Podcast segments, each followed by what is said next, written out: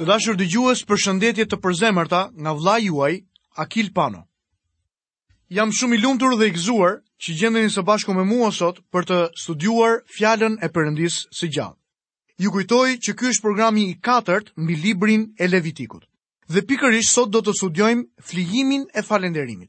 Ky flijim flet për bashkësinë e besimtarëve me Perëndinë Atin përmes Zotit tonë Jezu Krisht. E vetmja rrugë që ti dhe unë mund të shkojmë tek Perëndia, është nëpërmjet Jezu Krishtit. Ai është rruga.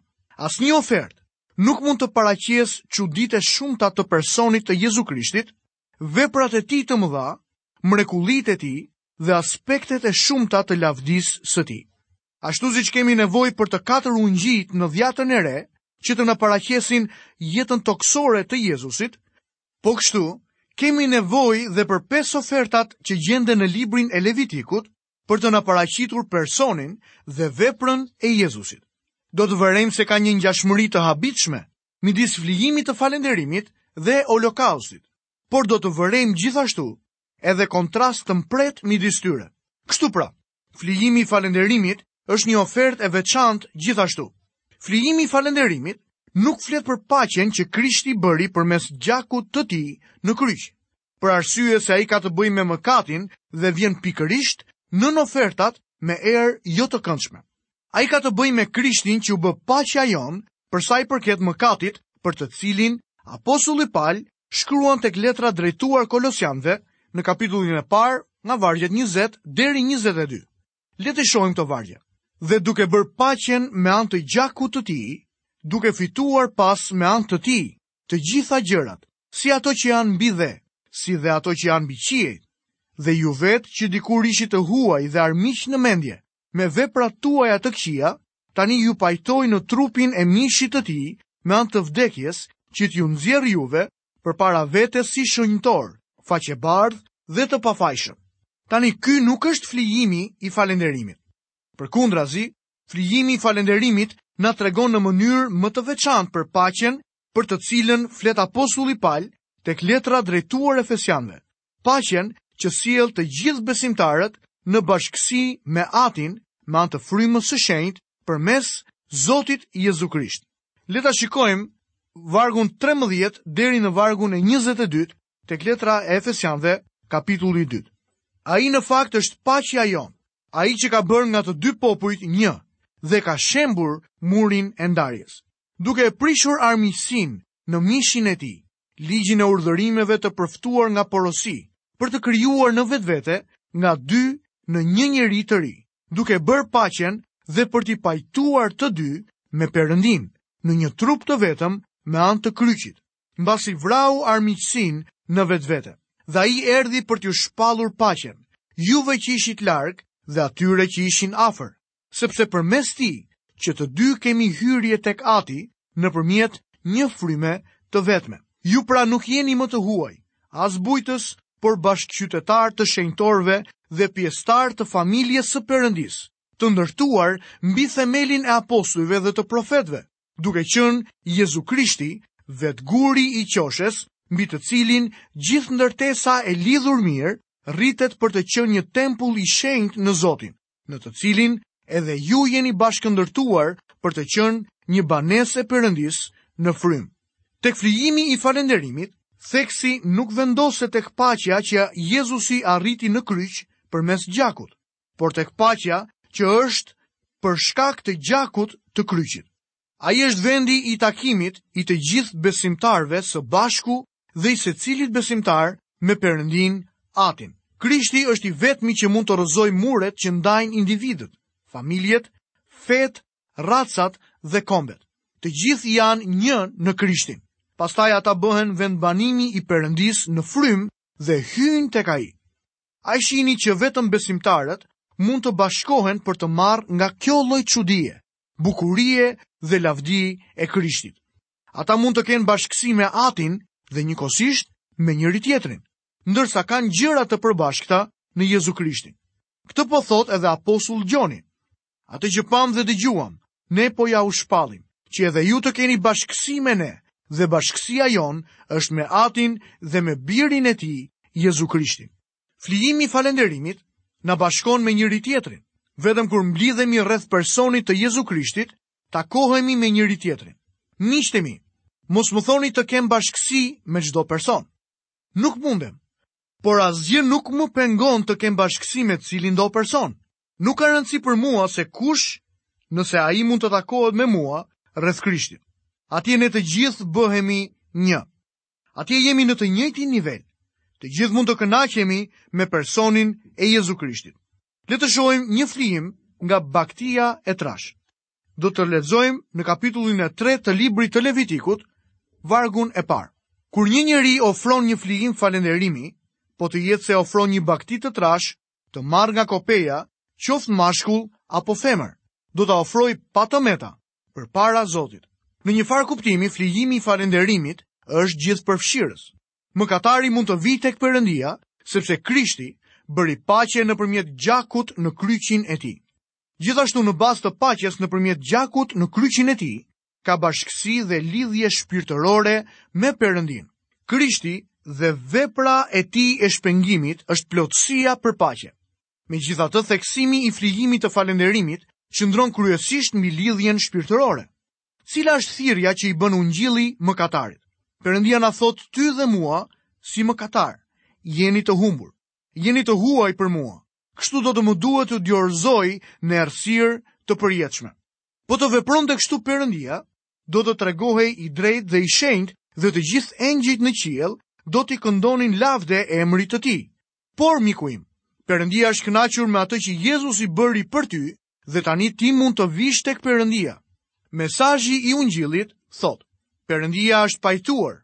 Pyetja është, a do të pajtohesh edhe ti? Perëndia është kënaqur me atë që Jezusi bëri. Ky është mesazhi. Ky është lajmi i mirë. Tashmë Perëndia është kthyer nga ty. A do të kthehesh ti tek ai? Ai do të të pranojë për shkak të asaj që Jezu Krishti ka bërë në kryq. A do të jeni të kënaqur me Krishtin dhe me atë që ai ka bërë dhe a do t'i afroheni Perëndisë dhe të keni bashkësi me të? Kjo është paqja që ju mund të njihni. Flijimi i falënderimit është ndryshe nga holokausti në drejtime të ndryshme. Tek rasti i holokaustit mund të ofrohej vetëm një kafshë mashkull. por këtu mund të jetë një mashkull ose një femër. Mjafton të jetë pa të meta. Ai që ofron asnjëherë nuk do të zbulojë te Krishti, aq sa zbulon Perëndia në të. Holokausti flet për atë që Perëndia shikon në Jezu Krishtin.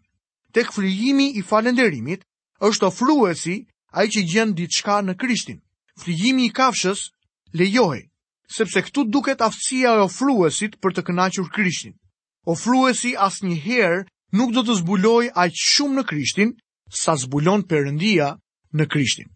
Lexojmë vargun e dytë. Do të vërë dorën mbi kokën e ofertës së tij dhe do ta therë në hyrje të çadrës së mbledhjes, pastaj priftërinjtë, bijtë e Aronit, do të shpërndajnë gjakun rreth e qark mbi altarin.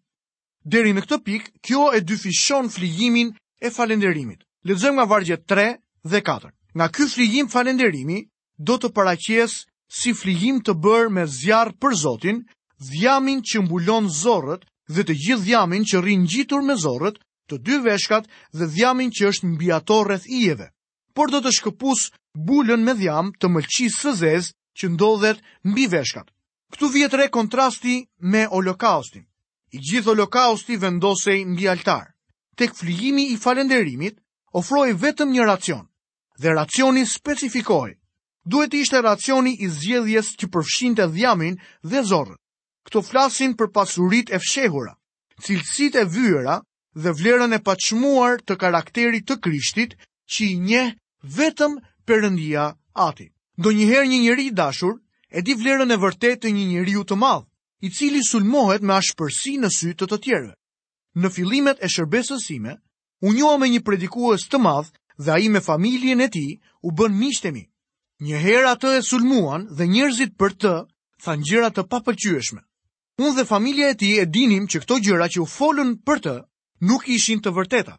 Shumë njerëz thonë, nuk e kuptoj këtë apo atë gjë rreth Krishtit. Ka shumë gjëra që edhe unë nuk i kuptoj rreth tij, por Perëndia e njeh atë. Perëndia sheh tek ai më shumë nga ç'mund të shohim unë dhe ti. Perëndia sheh pjesët e brendshme. Ne nuk e njohim atë. Ja përse apostulli Pal thirri në këtë mënyrë. që të mund të njoh atë dhe fuqinë e ringjalljes së tij dhe pjesëmarrjen në mundimet e tij. Tani le të lexojmë në vargun e 5 të kapitullit të 3 të librit të Levitikut. Pas kësaj bijtë e Aaronit do ta tymosin në altarin mbi holokaustin që ndodhet mbi drutë e vëna mbi zjarr. Është një flijim i bërë me zjarr me erë të këndshme për Zotin. Flijimi konsumohej nga zjarri dhe kjo tregon për përkushtimin e plotë të Krishtit dhe për provën dhe mundimet njerëzore që ai kaloi. Përcaktohet në mënyrë të veçantë si erë e këndshme për Zotin. Përsëri theksi vendoset mbi personin e Krishtit dhe jo mbi veprën e tij. Ajo që vihet në dukje është jeta e tij e përsosur, jo vdekja e tij për mëkatin. Vuajtjet e tij në jetë nuk ishin për mëkatet e botës. Edhe në tre orët e para në kryq, vuajtja e tij ishte në duart e njerëzve. Vetëm gjatë tre orëve të fundit, kryqi u bë një altar mbi të cilin u ofrua biri i Perëndisë. Errësira ra mbi sytë e njeriut ato tri orët e fundit kur Zotit i pëlqeu ta rrihte dhe ta bënte të vuante. kur e ofroi jetën e tij si flijim për mëkatin. Vëreni që flijimi i falenderimit ishte vendosur bashkë me holokaustin. Ata qëndrojnë së bashku në mënyrë që të kemi një pamje të plotë të vlerave dhe lavdisë së brendshme të Krishtit. Le të lexojmë vargjet 6 dhe 7. Në rast se oferta e tij si flijim falenderimi për Zotin është një bagëti e imët, qoftë mashkull apo femër, do ta ofrojë pa të meta. Në rast se paraqitet si flijim, një qengj do ta ofrojë përpara Zotit. Qengji tregon në mënyrë të veçantë karakterin e Jezu Krishtit. Kjo është arsyeja që në mënyrë të pazakontë quhet një flijim i përshtatshëm në flijimin e falënderimit. Në kontrast me këtë, kau nga kopeja tregon anën prej shërbëtori të shërbesës së Zotit tonë. Kau ose bualli ishte një kafshë shtëpiake që përdorej për të mbajtur ngarkesa dhe për të punuar fushat. Në atë kohë përfaqësonte transportin dhe tregtinë. Kau ishte shërbëtor dhe mik i njeriut. Ai përfaqëson Krishtin si shërbëtor. Ky është aspekti i shërbesës së Jezu Krishtit që prezantohet në Ungjillin e Markut. Duhet të theksojmë se Krishti si shërbëtor nuk ishte një lustraxhi për njeriun. Ai nuk nxitonte që t'i bindej njeriut.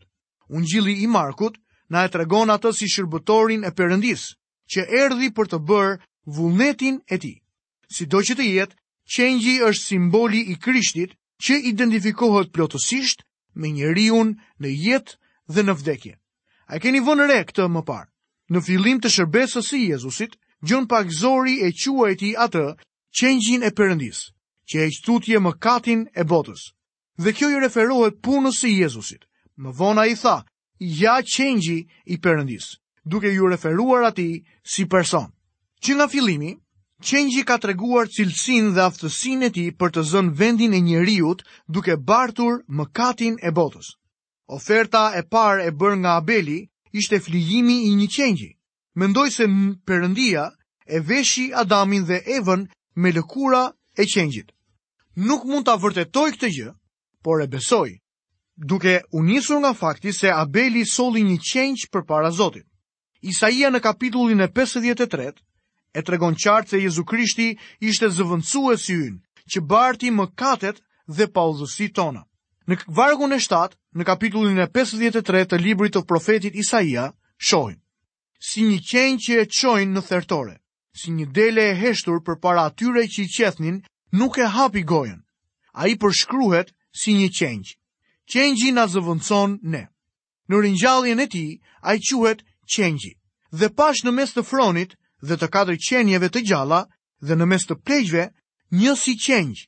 si i therur, i cili kishte shtatë brirë dhe shtatë sy, që janë të shtatë frymrat e Perëndisë të dërguar në të gjithë dheun.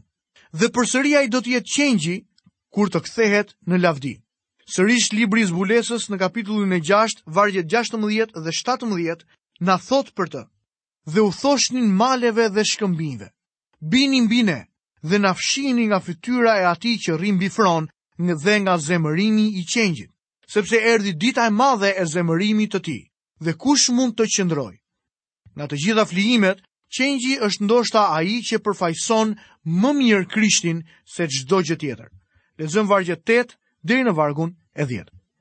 Do të vërë dorën e tij mbi kokën e ofertës së tij dhe do ta therë në hyrje të çadrës së mbledhjes. Pastaj bijtë e Aaronit do ta shpërndajnë gjakun rreth e qark mbi altarin.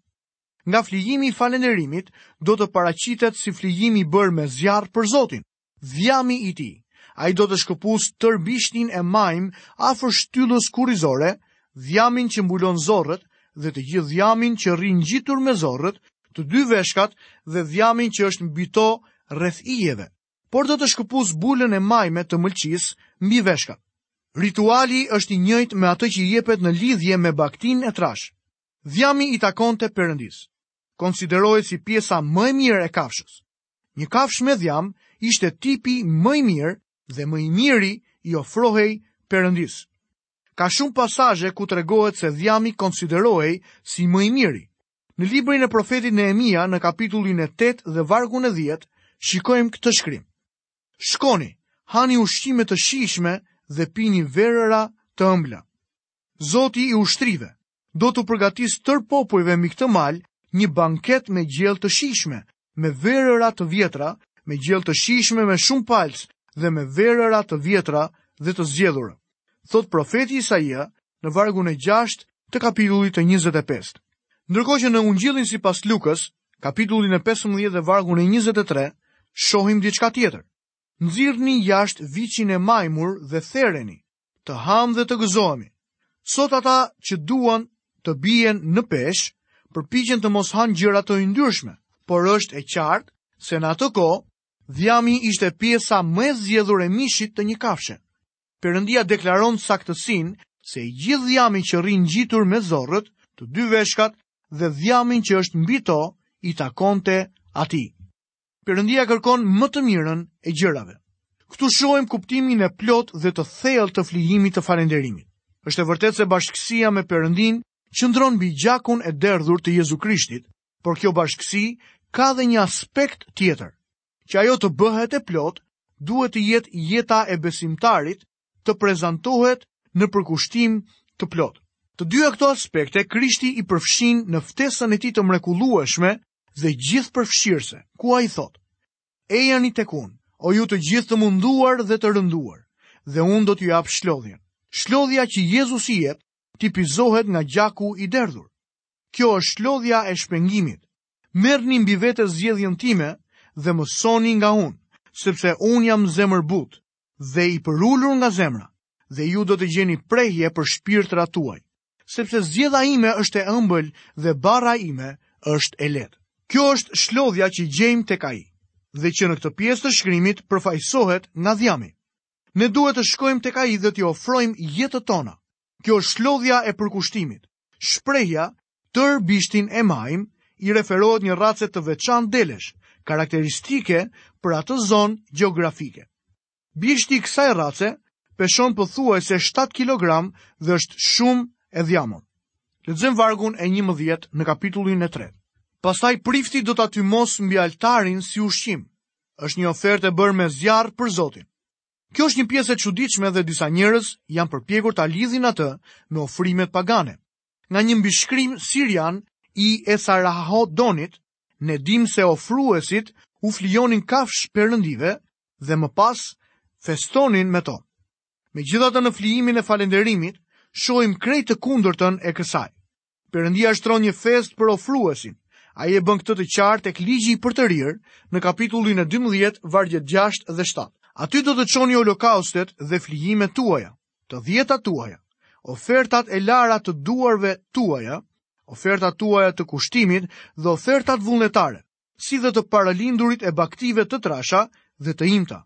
Dhe aty do të hani përpara Zotit Perëndisë suaj dhe do të gëzoheni. Ju dhe familjet tuaja për të gjitha ato që keni shtënë në dorë, dhe për të cilat Zoti Perëndia juaj do t'ju bekojë. Dhjami konsumohej plotësisht, por prifti merrte pjesën e gjoksit dhe të shpatullës. Ofruesi hante pjesën që mbetej dhe këtë e bënte në shtëpinë e Perëndisë. Shohim që Perëndia ishte mikpritësi, dhe ofruesi, mëkatari, ishte i ftuari. Paganizmi bën të kundërtën e kësaj dhe pikërisht Për këtë e akuzon Isaia Izraelin kur ra në idhujtari. Në kapitullin e 65 dhe vargun e 11 profeti Isaia thotë: Por ju që braktisni Zotin, që harroni malin tim të shenjtë, që përgatitni një sofër për gadin dhe mbushni kupën e verës së droguar për menin. Perëndia siguron tavolinën dhe flijimin e falënderimit. Kjo gjë hedh dritë mbi shumë vargje të shkrimit. Psalmi 23 dhe vargu i 5 thotë: Ti shtron para meje tryezën në prani të armiqve të mi. Psalmi 36 dhe vargu i 8 thotë: Ata ngopen me bollëkun e shtëpisë sate. Gjoni kapitulli 6 vargjet 51 dhe vargu i 57 thotë: Unë jam buka e gjallë që zbriti nga qielli. Nëse ha nga kjo bukë, do të jetojë për jetë. ashtu dhe ai që më ha mua do të jetojë dhe ai për shkakun tim. Mateu kapitulli 26 dhe vargu 26 thotë, Merrni, hani, ky është trupi im. Zoti përgatit tavolinën e shpëtimit dhe të bashkësisë. Kjo gjë theksohet tek flijimi i falënderimit. Kjo na ndihmon të kuptojmë shëmbëlltyrën e djalit plangprishës. Është babai ai që ther viçin e majmë kur djali kthehet përsëri në shtëpinë e tij. Ndërkohë që tek shëmbëlltyra e gostisë së madhe është Zoti ai që fton. Në kapitullin e 14 dhe vargun e 17 të Lukës gjejmë të dokumentuar këtë shkrim. Ejani, sepse gjithçka është gati. Kjo është tavolina e shpëtimit që siguron Perëndia. dhe pastaj lexo dhe rilexo kapitullin e parë të letrës së parë të Gjonit. Bashkësia me Perëndinë qëndron mbi shpengimin e Krishtit përmes gjakut të tij dhe mbi faktin që ne e njohim Krishtin dhe rrëfejmë mëkatet tona. Së pari, ne pranojmë shpëtimin e Perëndisë duke pranuar Jezu Krishtin si shpëtimtarin tonë. Më pas i afrohemi tavolinës së bashkësisë me Perëndinë. Njeriu modern mendon se mund të sigurojë një tavolinë shpëtimi me anë të veprave të tij dhe të ftojë Perëndinë të hajë së bashku me të. Miku im, kjo është një ide tërësisht pagane. Perëndia siguron tavolinën e shpëtimit. Është Perëndia ai që siguron tavolinën e bashkësisë. Të dashur miq, këtu kemi mbërritur dhe në fundin e programit të sotëm. Ju kujtoj që jemi duke studiuar së bashku kapitullin e tretë të librit të Levitikut.